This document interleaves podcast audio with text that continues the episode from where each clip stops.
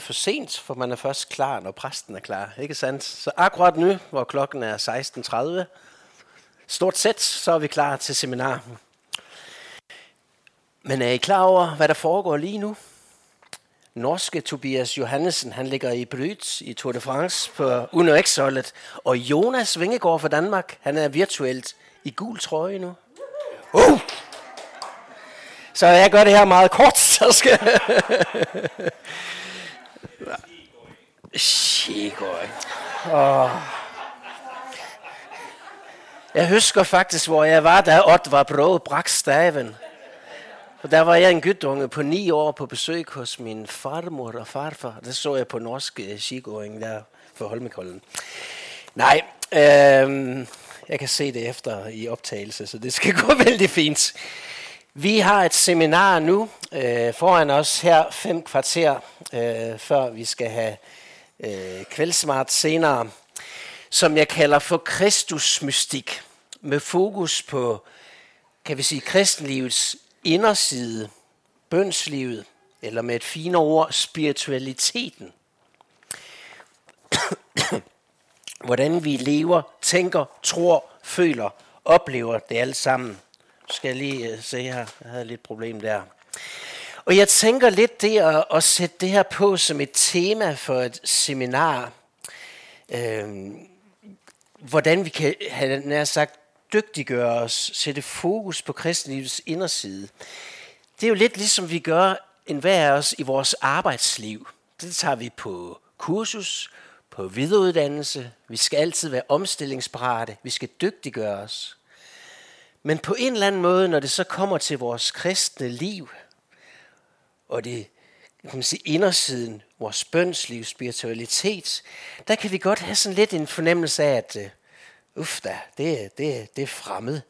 Vi har jo lært at folde vores hænder og bede, og så er det det. Og der er intet galt i det. Det er det vigtigste, vi kan gøre. Folde vores hænder og bede til Gud. Men hvis vi skal være integrerede kristne, og det skal vi, så er det jo godt også at, er der noget nyt, vi kan lære? Er der noget inspiration? Er der nogle blinde vinkler i mit eget åndsliv, hvor jeg med fordel kan sætte fokus på noget og lære noget nyt? Akkurat ligesom vi gør i vores arbejdsliv. Så det er det, vi prøver at gøre nu. Og så vil jeg alligevel starte med at afmystificere ordet Kristus mystik. Fordi bare det at gå ind på et seminar, der handler om Kristusmystik, så kan vi måske tænke, ups, er det ikke noget katolsk, eller ortodokst, eller noget meget sådan sværmerisk. Men med ordet Kristusmystik, der har jeg egentlig bare oversat det, som apostlen Paulus siger mange gange i sine breve i Nyt Testamente, hvor han taler om Kristus hemmeligheden. Hemmeligheden, der har været gemt hos Gud fra evighed af, men nu er blevet åbenbaret. At vi skal være i Kristus, og han ved troen skal være i os.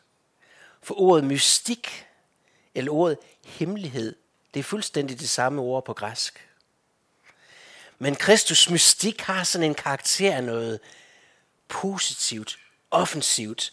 Og når vi bruger det ord, også på en anden måde kan være i dialog med mange søgende mennesker – som søger det spirituelle, som søger det mystiske, men som bare ikke ved, at det får de i kristendommen, i vores kristne tro. Derfor kan jeg rigtig godt lide at bruge ordet Kristus mystik. Jesus tager bolig ved os, i os, ved troen. Ved dåb og tro er jeg forenet med Jesus Kristus, så jeg kan sige, jeg får lov at være i ham og han er i mig. Ja, han bor ved troen i mit hjerte. Min egen baggrund for at arbejde med den her tematik, og også bruge det her ord Kristusmystik, jamen det er egentlig tilbage fra min øh, studietid i København som teologistuderende ved universitetet og ved Dansk Bibelinstitut, DBI. Her lavede jeg sådan øh, et i udgangspunktet sådan klassisk øh, han er sagt Luthers bibeltro speciale studie. Jeg vil arbejde med forholdet hos Luther mellem retfærdiggørelsen på den ene side og helliggørelsen på den anden side. Altså forholdet mellem, hvad gør Gud eller Kristus for os, uden for os, det objektive, retfærdiggørelsen. Og hvad gør han subjektivt i os, forandringen, fornyelsen, forvandlingen, helliggørelsen. Og når jeg så arbejdede og studerede i en masse lutherskrifter, både dansk og gamle gotiske tyske bogstaver og på latin, så fandt jeg jo egentlig frem til, at den fortolkningsnøgle, som for Luther var afgørende hele tiden, for at holde dynamikken sammen, for at holde retfærdiggørelse og helliggørelse sammen, så det ikke bliver adskilt, men det bliver heller ikke blandet sammen. Nøglen til det, det er jo netop den her forståelse af, at Jesus ikke bare er uden for os og sidder ved Guds højre hånd i himlen. Han er også i os ved troen. Der er noget dynamisk.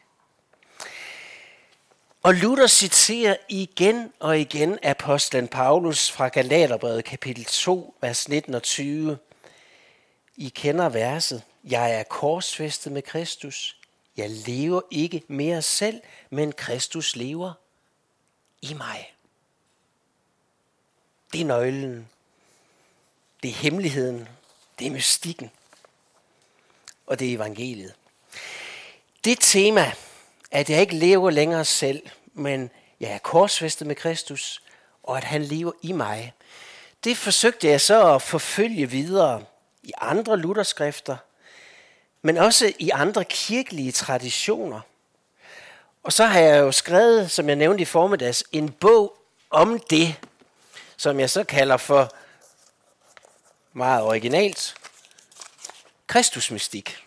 Om luthersk spiritualitet. Altså hvad er det særlige lutherske vinkel? Og så om helliggørelse. Og jeg har også lyst til at nævne i det her ærede selskab, at første gang jeg stødte på ordet Kristusmystik, for det er desværre ikke noget, jeg selv har fundet på, det var faktisk ved den for længst afdøde norske biskop Erling Ytnam, som så har skrevet mange bøger, og blandt andet en lille bog, der hedder Frigjort i Kristus. Der stødte jeg på udtrykket som ung student, Kristusmystik. Spændende, synes jeg. Og så tænkte jeg ikke mere over det. Før Lutherlæsningen, så ledte mig tilbage til lige præcis det her begreb.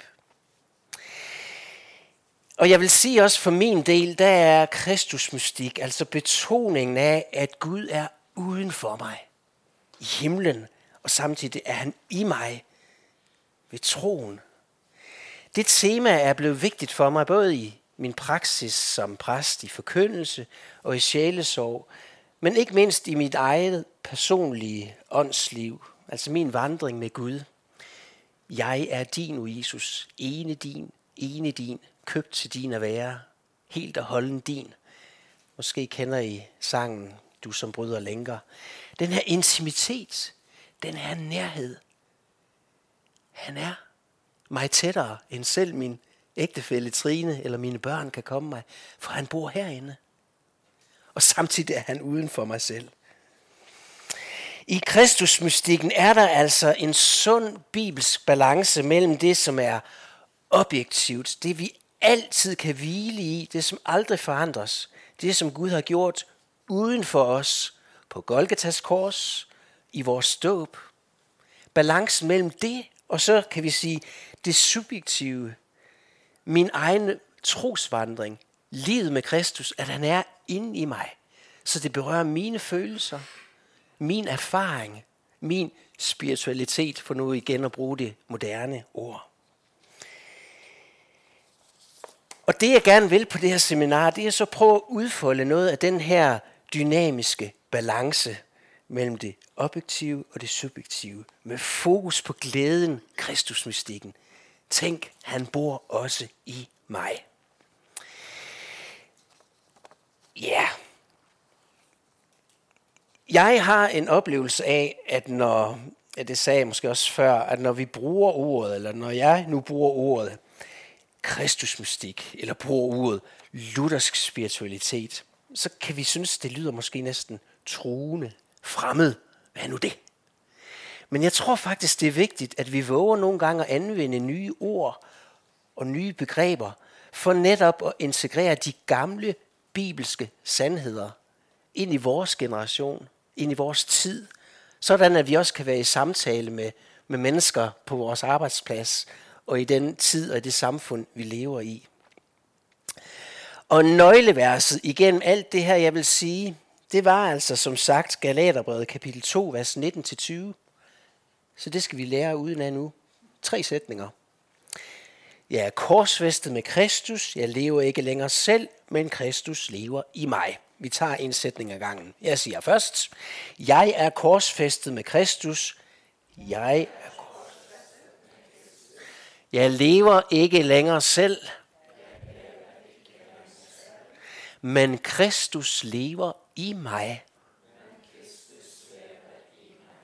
Og så i sammenhæng, jeg er korsfæstet jeg lever, men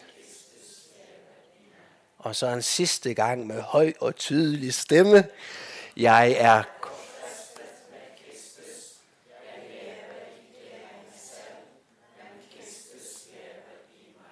så bra. Der skal jeg gå og se Tour de France. Nej, jeg skal lægge det.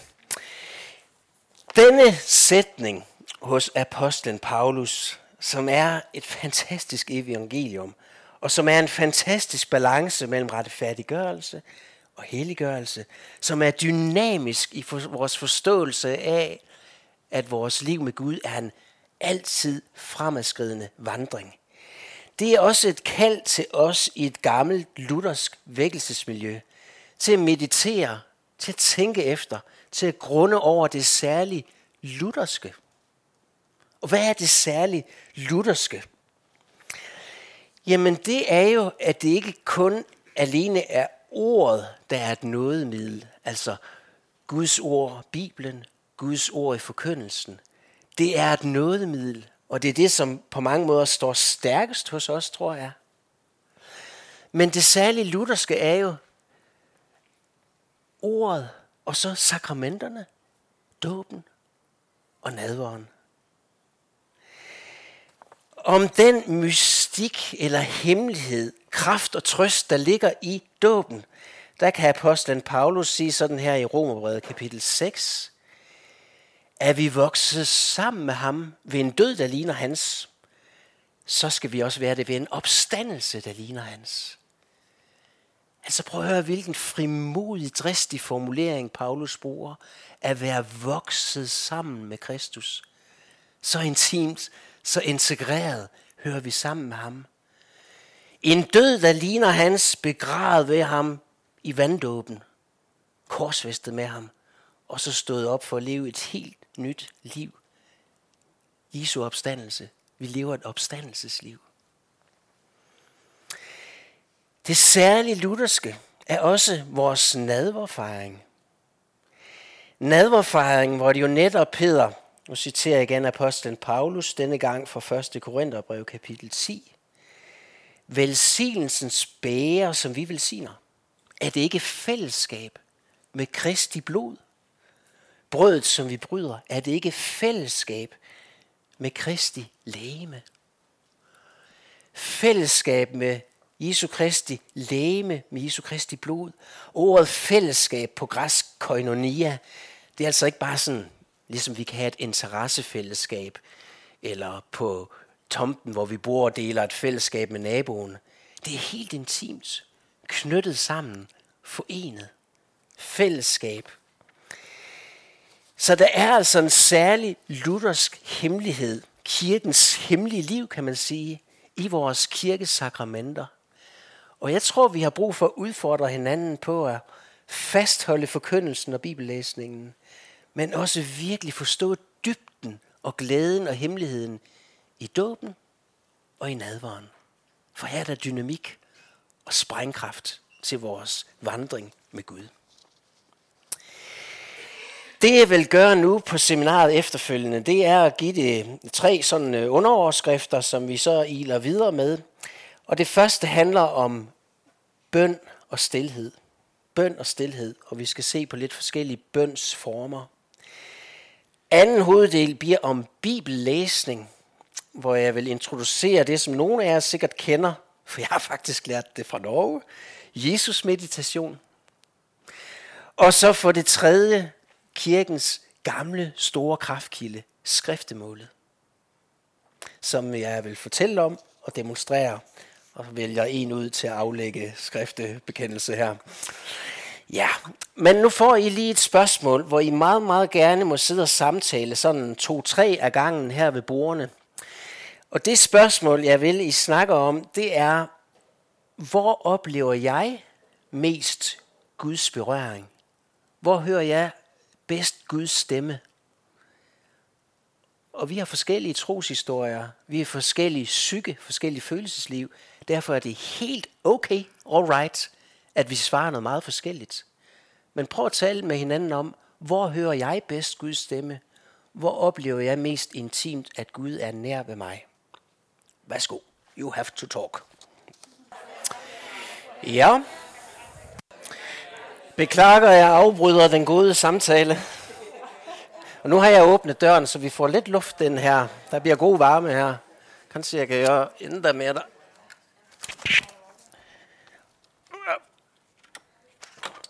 Nå, ellers så kan jeg gøre det i næste pause. Der, jeg skal også holde på at jobbe lidt. Nu har jeg jo ikke hørt, hvad, hvad I har snakket om. Mm, det har jeg faktisk ikke.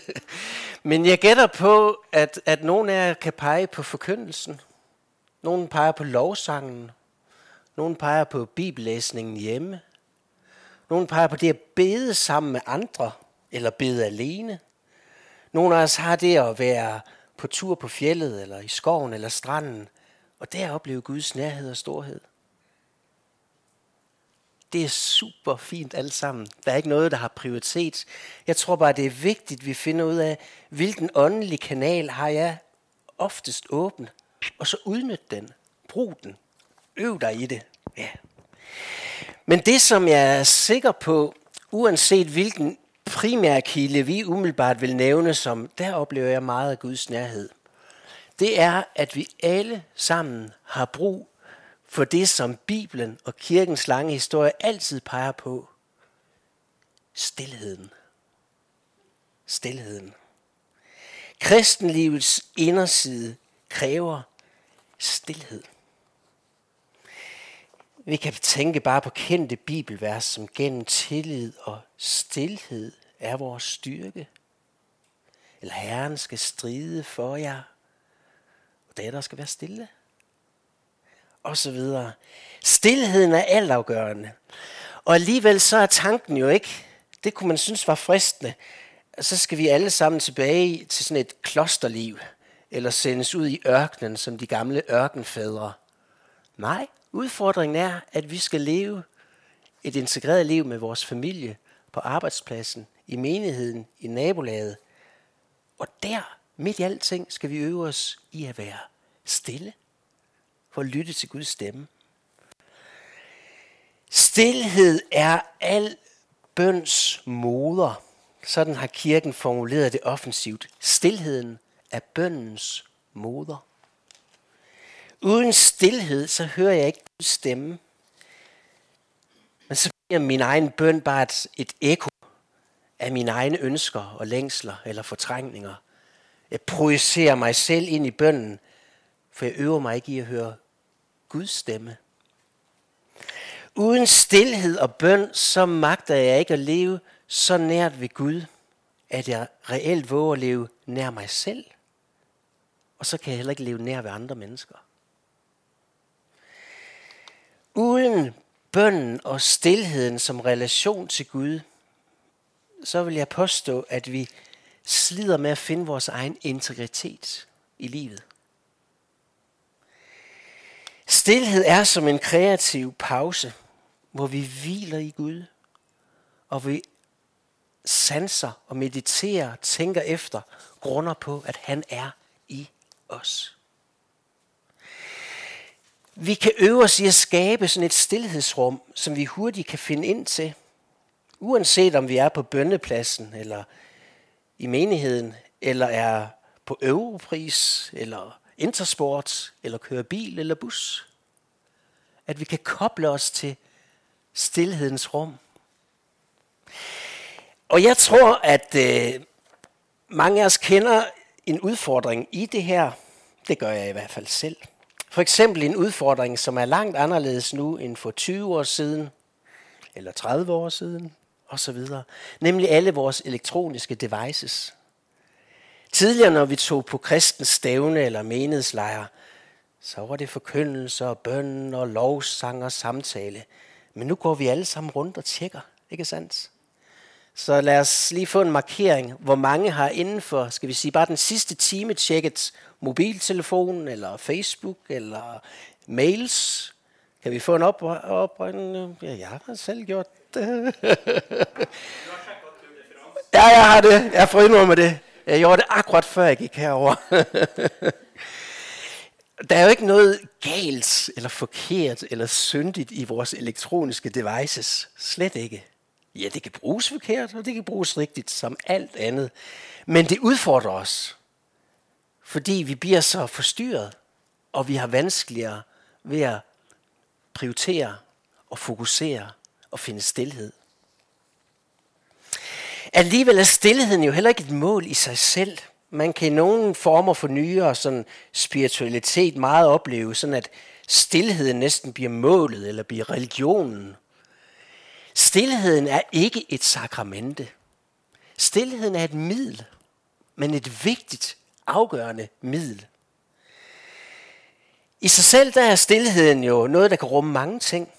Også egen syndighed og egne fristelser. Det tror jeg, vi ofte møder, når vi prøver at blive stille.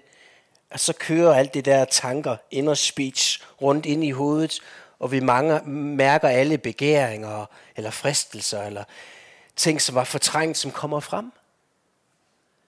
Derfor er det så afgørende, at når vi øver os i at være stille, der tager vi Guds ord med ind i stillheden. Så at Guds stemme møder mit flertydige og sammensatte jeg. Og her i stillheden, der gælder det jo over for Gud, som i al anden god kommunikation. Vi skal tale, og så skal vi lytte.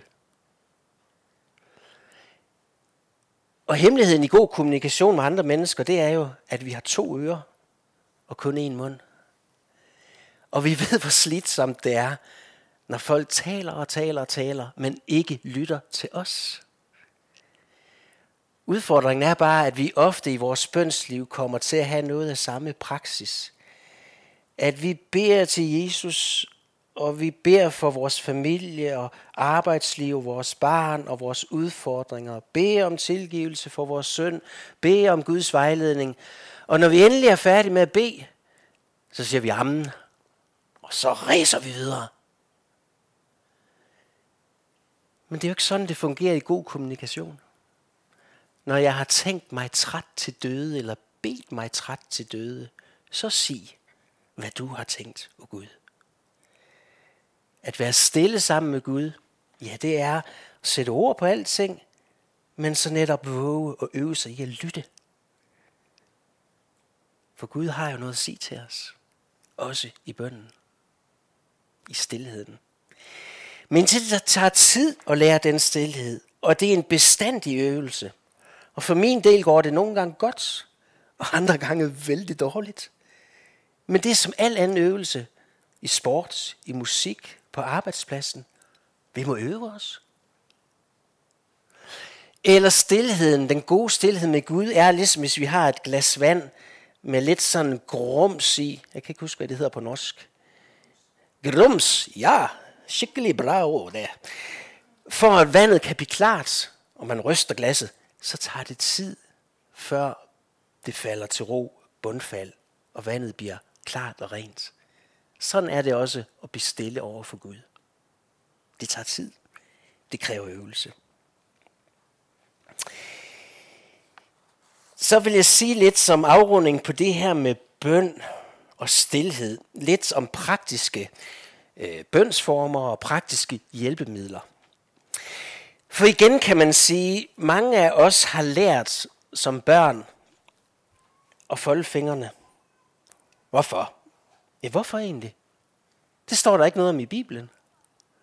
Men vi har lært det jo, tror jeg, og det er en god pædagogisk regel, at så kan man ikke gøre alt muligt andet. Man, man, man bliver stille. Og det er jo en god måde at bede på, og det er en tryg form at bede på, og vi er fortrolige med det, langt de fleste af os. Men hvis vi skal tænke på, at det ligesom bliver hele vores krop i forhold til Gud, så bliver det jo egentlig meget sådan, at vi har lært at sidde og folde fingrene.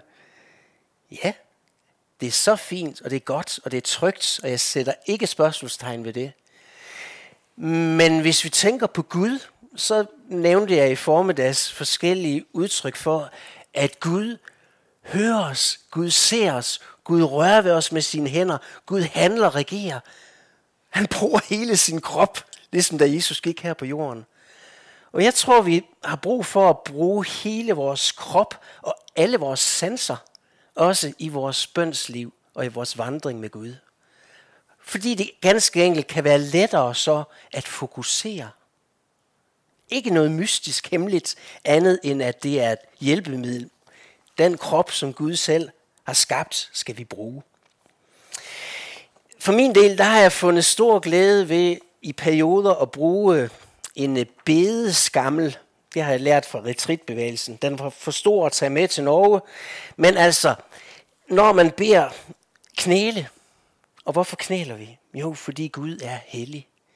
Og fordi det bringer min krop i den rigtige position. Og så en bedeskammel kan man sætte her under, så man sådan får lidt hjælp til at hvile. Og hvis man som mig har gamle fodboldben og knæoperationer, så er det også en fordel. Øh, nogen af jer kender udtrykket hos Luther, at når han havde travlt, så bad han et par timer ekstra. Jeg har altid syntes, det var lidt sådan macho udtryk. Det klarer jeg ikke. Men jeg mærker jo og oplever, at min koncentration, som ofte er vanskelig at fastholde i bøn, at jeg bliver hjulpet, når jeg knæler, og hvis jeg bruger bedeskamlen. Og så måske både bruger hænderne med at folde dem, som vi kender det, eller måske rækker dem ud. Hvis vi tænker på det bibelske kropssprog i bøn, så er det jo flere gange, der står nævnt, at de løftede hænderne mod Gud. Hvorfor er det så godt? Jamen det er da fordi, så åbner jeg hele min krop. Jeg kan både føle det mere sårbart, fordi jeg beskytter ikke mig selv, men jeg kan også føle mig mere overgiven. Gud, det er dig, jeg henvender mig til. Tilbeder eller skælder ud klager til, finder hvile hos. Brug kroppen. Vi kan også tænke på det, som, som kirken øh, har, har, har brugt også i næsten 2000 år. Det er at bede med sin vejrtrækning, altså respirationen, åndedrættet. Øh, den mest kendte bøn i det er jo det, som også kaldes Jesusbønnen. Inspireret af Jesu møde med den blinde mand ved Jericho, hvor den blinde mand hører, at rygtet er, at dem, der kommer nu, det er Jesus på vejen, ham han har hørt om, og så råber han, Herre Jesus Kristus, forbarm dig over mig. Og Jesus bønnen er den måde, hvor, hvorpå man så har lært sig, at en rigtig pædagogisk god tanke for at integrere den bøn i liv, i sind, i ånd, i krop, det er ligesom at bede, når man trækker vejret ind, og det er svært at gøre, mens man snakker. Jeg kan ikke både trække vejret og snakke. Men på indånding sige, Herre Jesus Kristus. Fordi jeg ånder Jesus ind, alt hvad han er i renhed og hellighed og kraft. Herre Jesus Kristus. Og så på udånding, forbarm dig over mig. Og nogle gange sige, forbarm dig over mig, sønder. Fordi så er det som om, jeg trækker vejret ind, fylder mig med al Jesu herlighed og hellighed og kraft. Og så ånder jeg ud alt mit eget. Bekymring, syndighed, urenhed. Det tager igen tid at øve og praktisere, så det kan blive naturligt. Jeg kan rigtig godt lide at bruge det, hvis jeg går alene i norsk natur eller i dansk natur, og få det ind i åndedrættet. Herre Jesus Kristus, forbarm dig over mig. Herre Jesus Kristus, forbarm dig over mig. Og nogle gange kan det jo, hvis man går alene, være en hjælp at bede det højt. Andre gange er det jo netop bare den indre bøn, der kører. Og så kan vi jo selv vælge, hvis det er perioder, hvor vi meget trænger Guds vejledning, jamen så kan man jo bruge en anden bøn. Himmelske far på indånding, vis mig din vej. Himmelske far, vis mig din vej. Eller perioder, hvor vores samvittighed måske er, er tynget, og vi mærker skyld eller skam. Jesus Guds lam, rens mig. Jesus Guds lam, rens mig. Der er ikke noget mærkeligt eller mystisk i det her. Det er bare det at bruge vores krop, vores åndedræt. Men igen, det kan være en hjælp til at integrere bønden og stillheden på en naturlig måde i vores liv.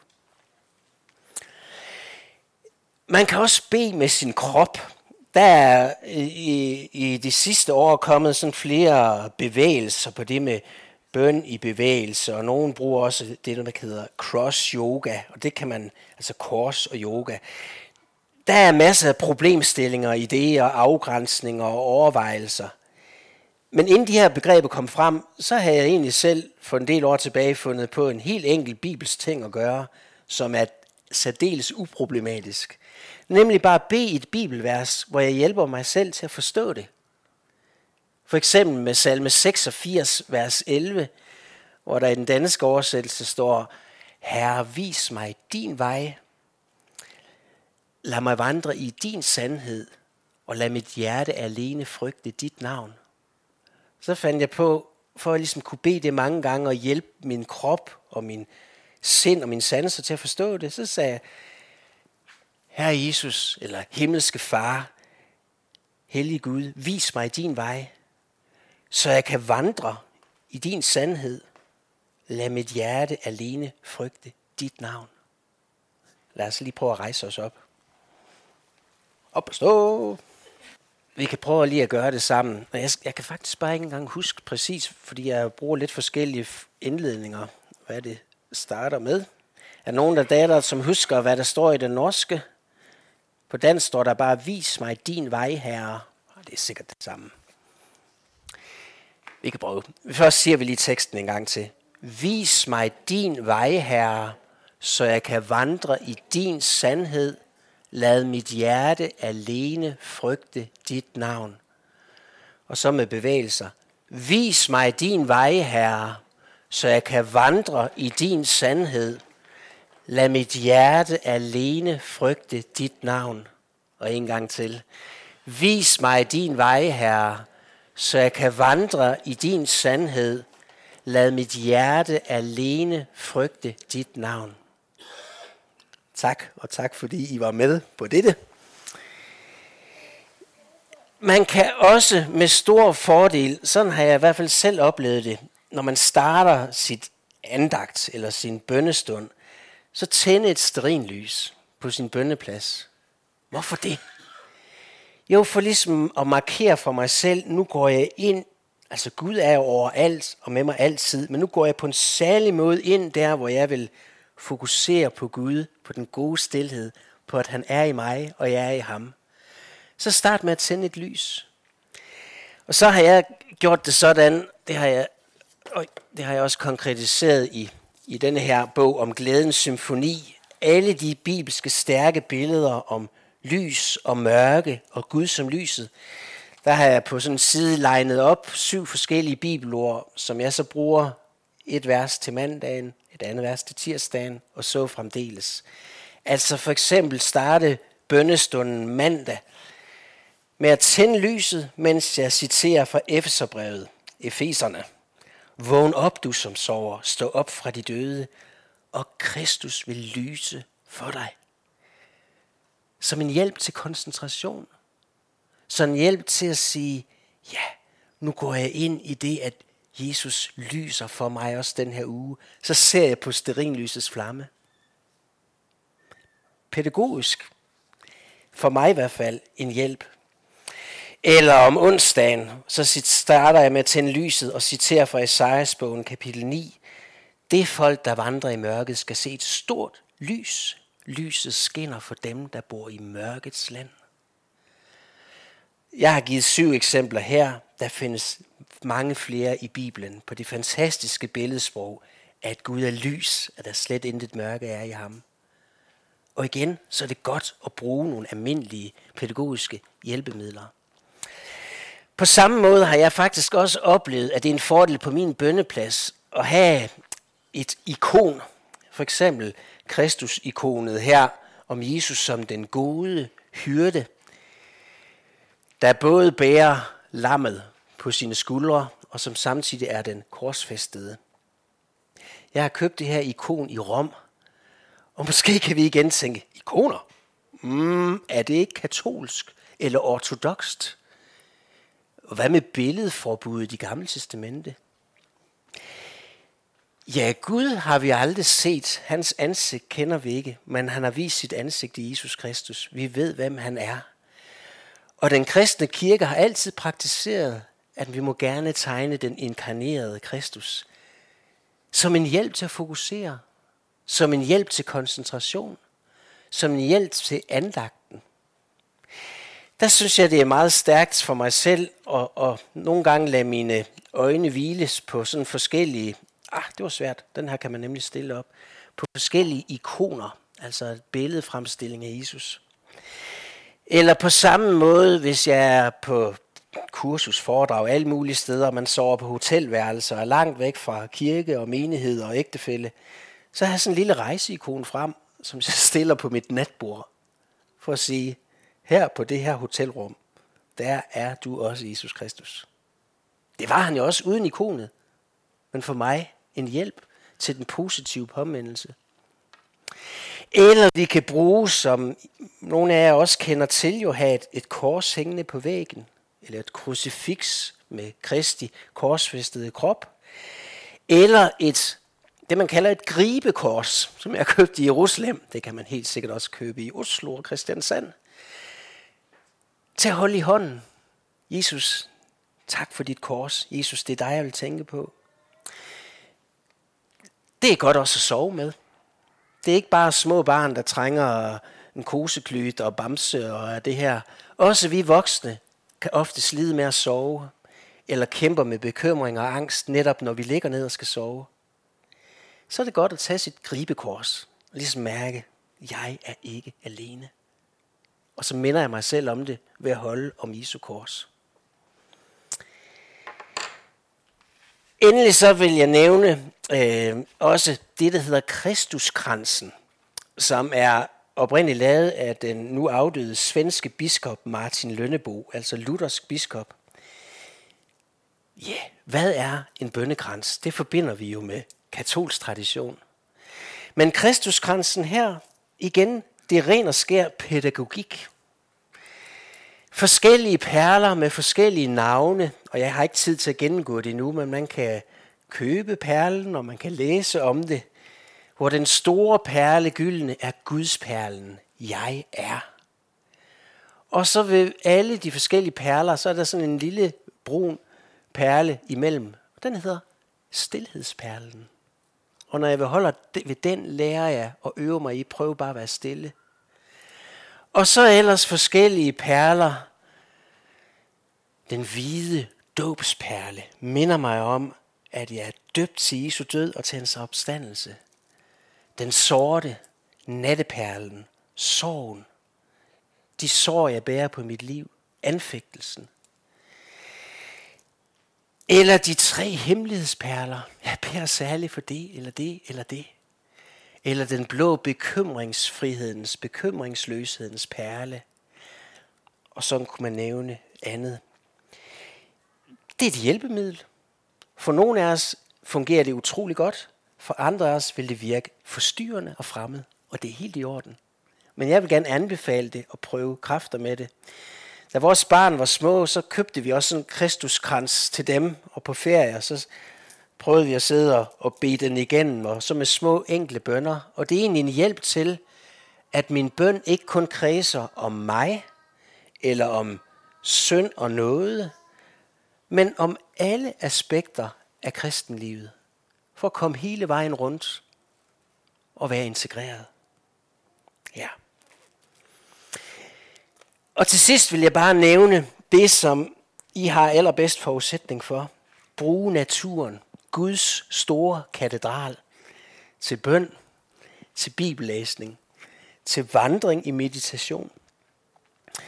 Naturen er jo Guds skaberværk. I Kristus blev alting skabt. Det er Jesus, der opretholder naturen. Skønheden er en afbillede af Guds skønhed og kraft og glæde.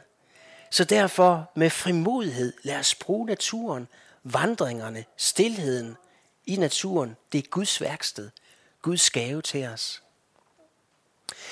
Jeg har selv sådan et, øh, et, et, et nytestamente, som tåler vand, og det er en fordel, når man ofte er ude. Og i det har jeg faktisk også salmernes bog, andre. Ej, har jeg på norsk også.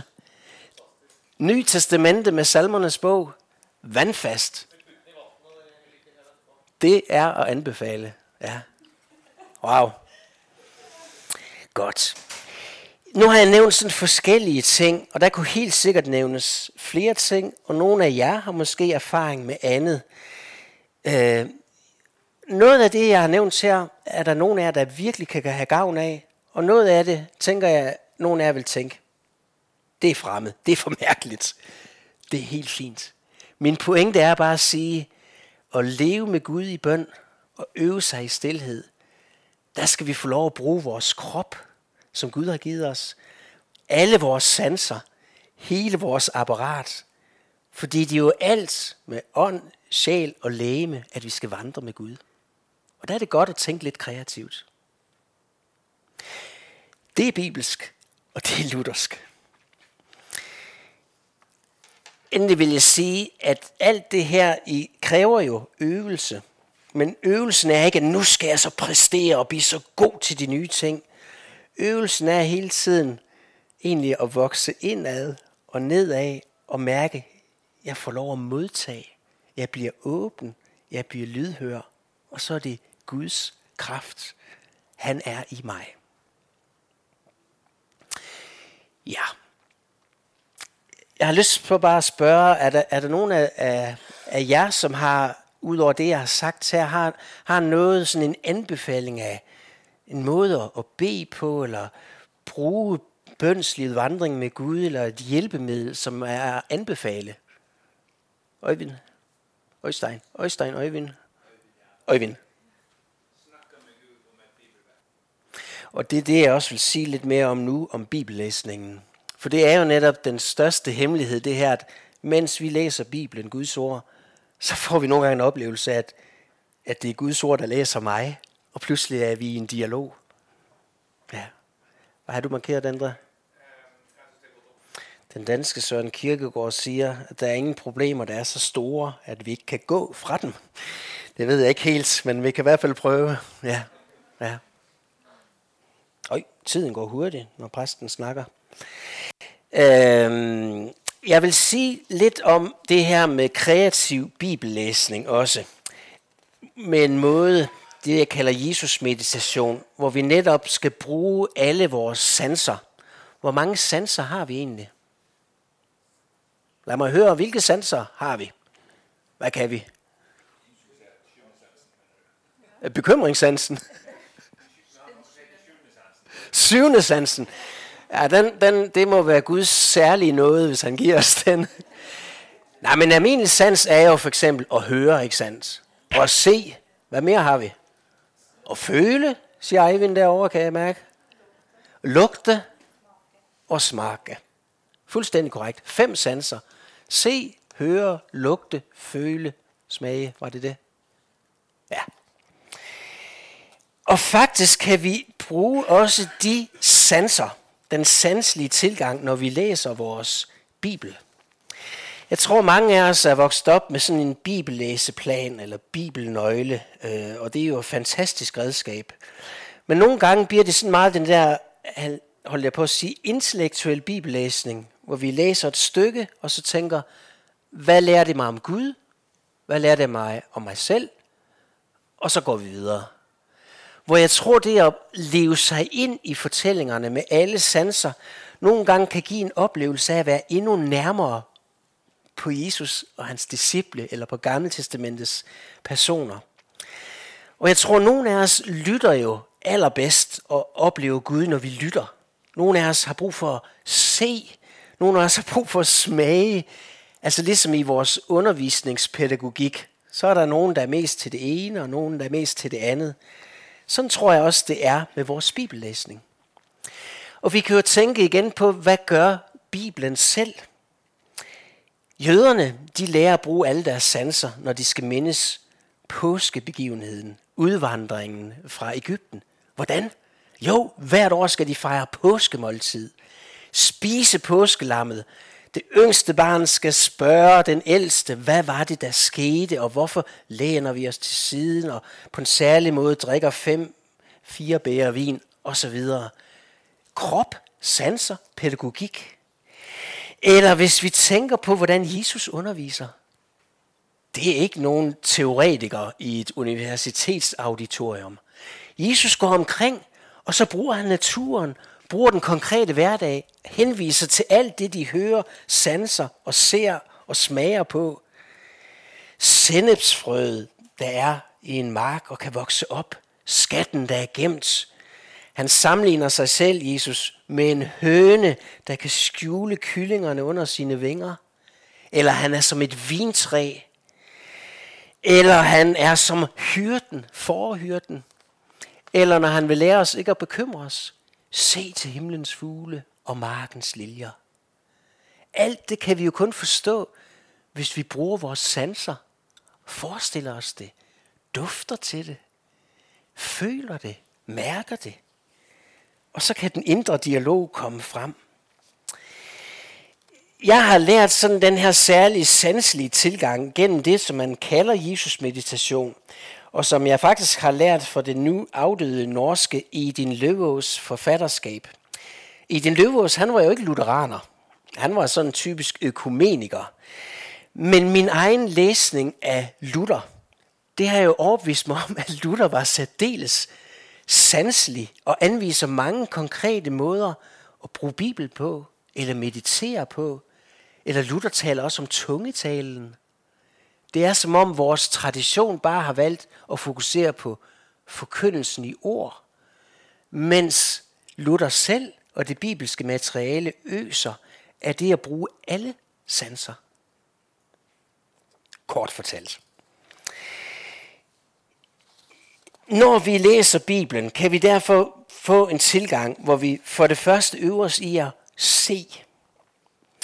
At læse, memorere bibelteksten, og så ved hjælp af vores fantasi og leve os ind i beretningen. Forestil mig, at jeg står nu ved siden af Jesus, eller apostlen Peter, eller profeten Elias på Karmels bjerg. Og så ligesom måske lukke øjnene, og så sanse. Hmm, hvordan har de hørt, da de har råbt? Hvordan har det duftet, da offerilden brændte? Eller hvordan, hvordan har varmen været her i ørkenen? Og så videre, og så videre. Se personerne og handlingen spire op omkring mig. Se ved at bruge fantasien. For det andet, at bede som den anden hovedtilgang, hvor jeg begynder bønden med at takke for, at til Jesus, som Jesus meditation, at ligesom du var helt til stede dengang ved Genesrets sø, eller i Kapernaum, sådan er du lige hos mig nu, i Sandnes, eller i Christiansand, eller på min bedeplads i Bergen. Du var der dengang, og du er her hos mig nu. Og når jeg beder, beder jeg om, at så Helligånden må gøre det levende for mig. Og så kan jeg vælge igen at sidde, eller knæle, eller stå, eller løfte mine hænder, eller gå omkring med min krop. Og så bed med frie ord til Jesus, hvor jeg bruger bibelteksten som udgangspunkt for min bøn og min samtale med ham. At se, at bede, og så til sidst at tilbede. Når jeg er færdig med egne ord og tanker, så prøver jeg at blive stille og fokusere på Jesus alene. Takke ham for hans storhed, hans kærlighed, hans nåde. Og nogle gange kan jeg vælge at synge en sang. Nogle gange kan jeg bare være helt stille. Indeni, have ordene kørende indeni. Nogle gange, hvis jeg er fortrolig med det, kan jeg vælge at tale i tunger. Uanset tilbede ham, formen er underordnet, men retningen er det afgørende for jeg kan føres ind i Kristusmystikkens kærlighedsrelation.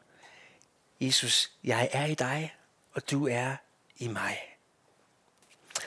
Man kan nogle gange møde en variant af det her, som om målet er at nå ind i en for, særlig form for stillhed, eller med et fint ord, kontemplation.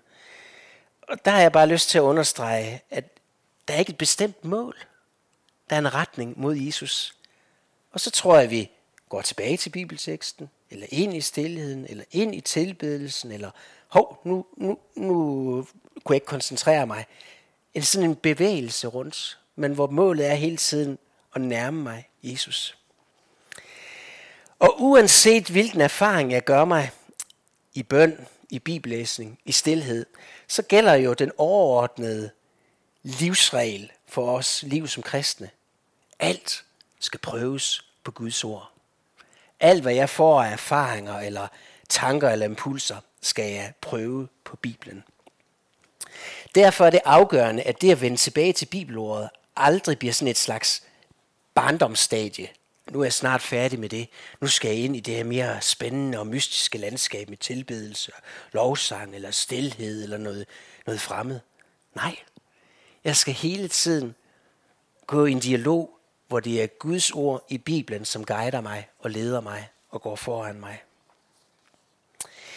Jeg har oplevet, at den her særlige Jesus-meditationsform virkelig for mig har været en hjælp til ligesom at få lov at hvile i det, at Jesus er i mig, og jeg er i ham.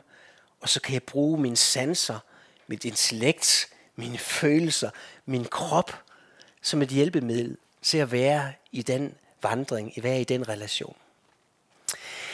Jeg har taget med mig sådan en øh, kopi, som I kan tage med her, når I går herfra, hvor jeg har trykt en bibeltekst op. Jeg har endda været så venlig at gøre det på norsk.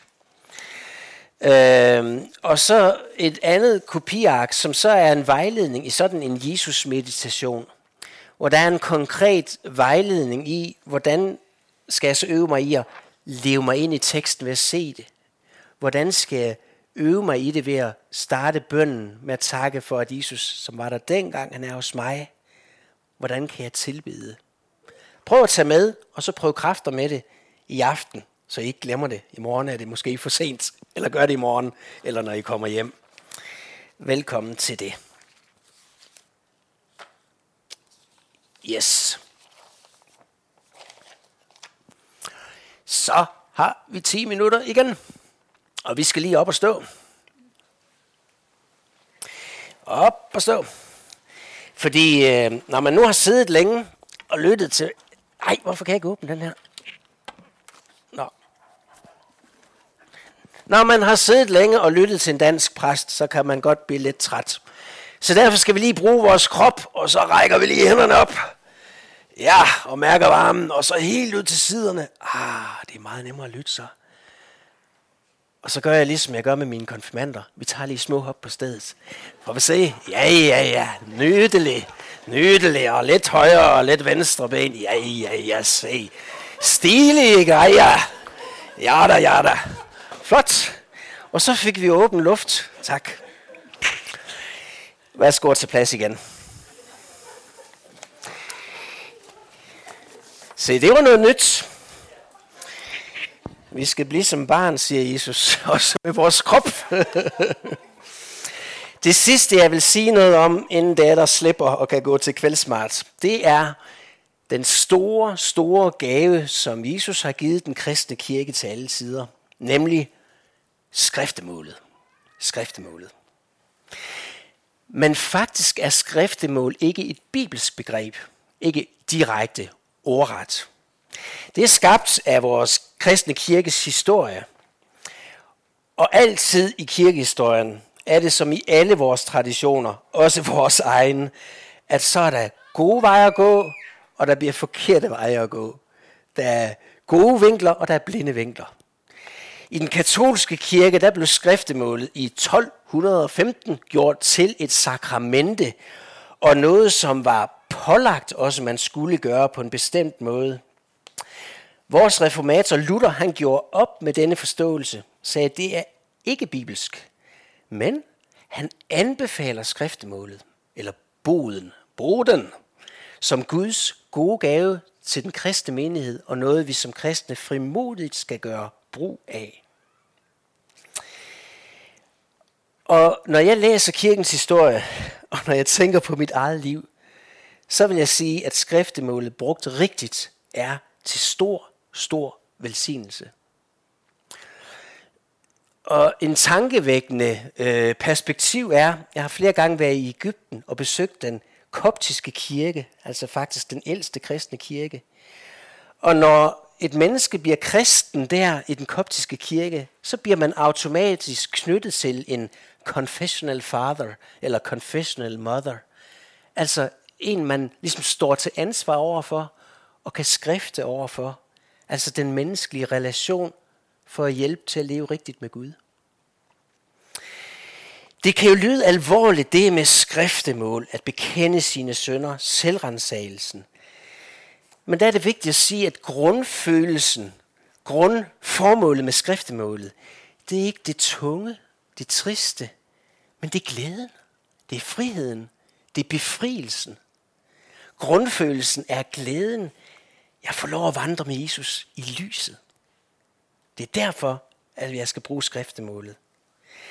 Ikke for at fokusere hele tiden på min syndighed, mine fejl, mine mangler. Vi kan nogle gange have det sådan, tror jeg, at vi er så fokuseret på at rensage vores motiver og se sandt på os selv for at gøre op med synden og det falske i vores liv og de falske støtter.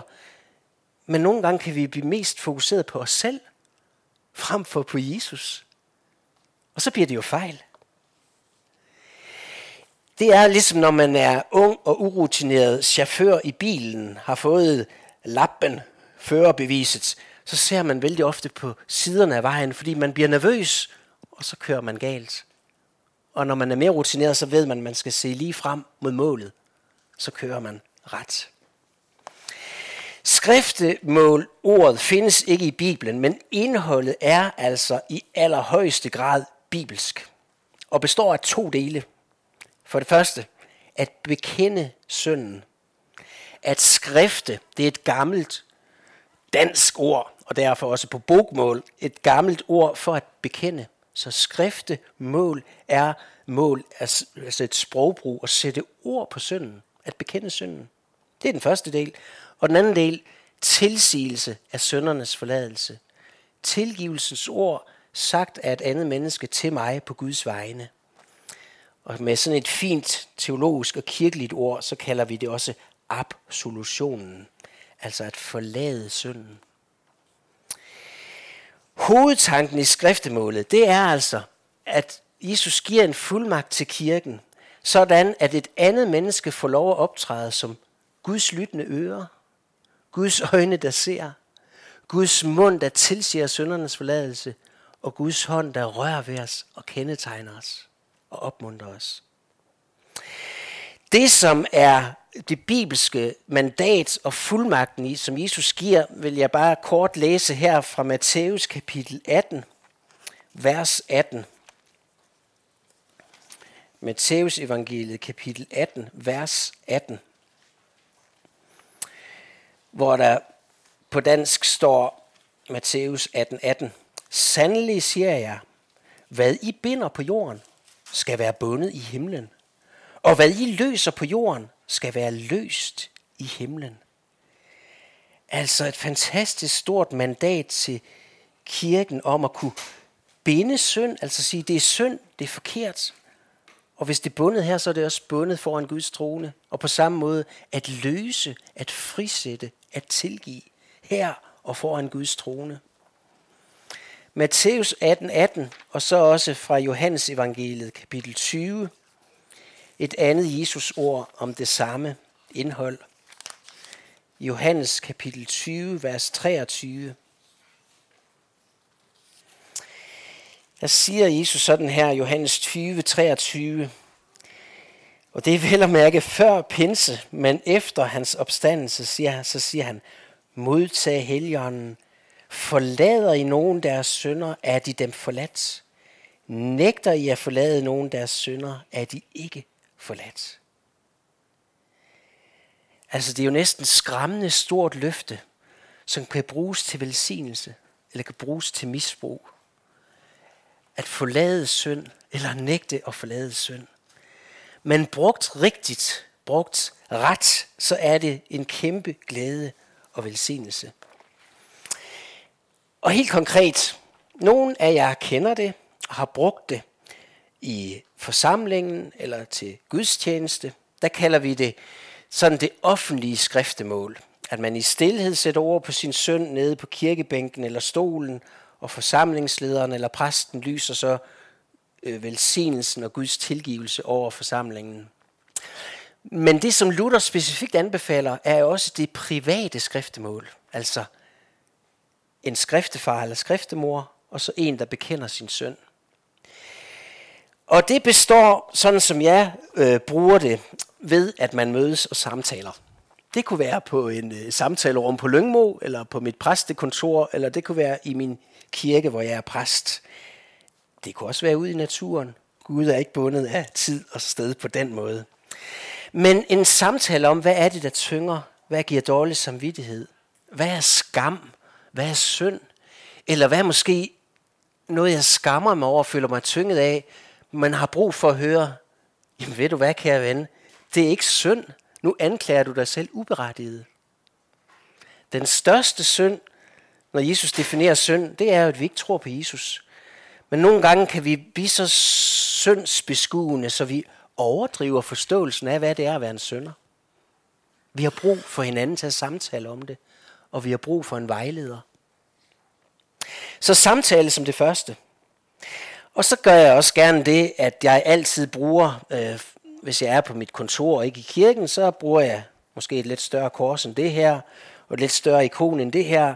Men når jeg knæler sammen med den, der er kommet til mig, så stiller jeg ikonen og korset, og så tænder jeg et lys som tegn på, at Jesus er sammen med os.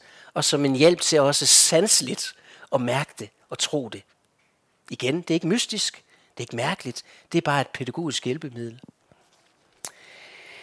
Når vi så knæler sammen, så starter jeg med at bede en bøn, hvor jeg takker Jesus for, at han er sønderes ven, at han ved sin korsdød kan tilgive også min synd og vores synd og ham eller hende, der nu knæler, fordi han er Guds lam, der bærer verdens synd.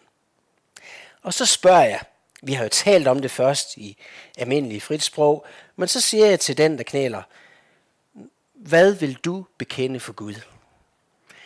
Og så beder jeg ofte ham eller hende, der knæler, om at starte med at læse en, en bekendelsesbøn, enten fra den kirkelige ritualbog, eller for eksempel uddrag af salme 51, David, der, der bekender sin synd for Gud, og beder om, at Gud nu må skabe et rent hjerte i ham og tilgive ham.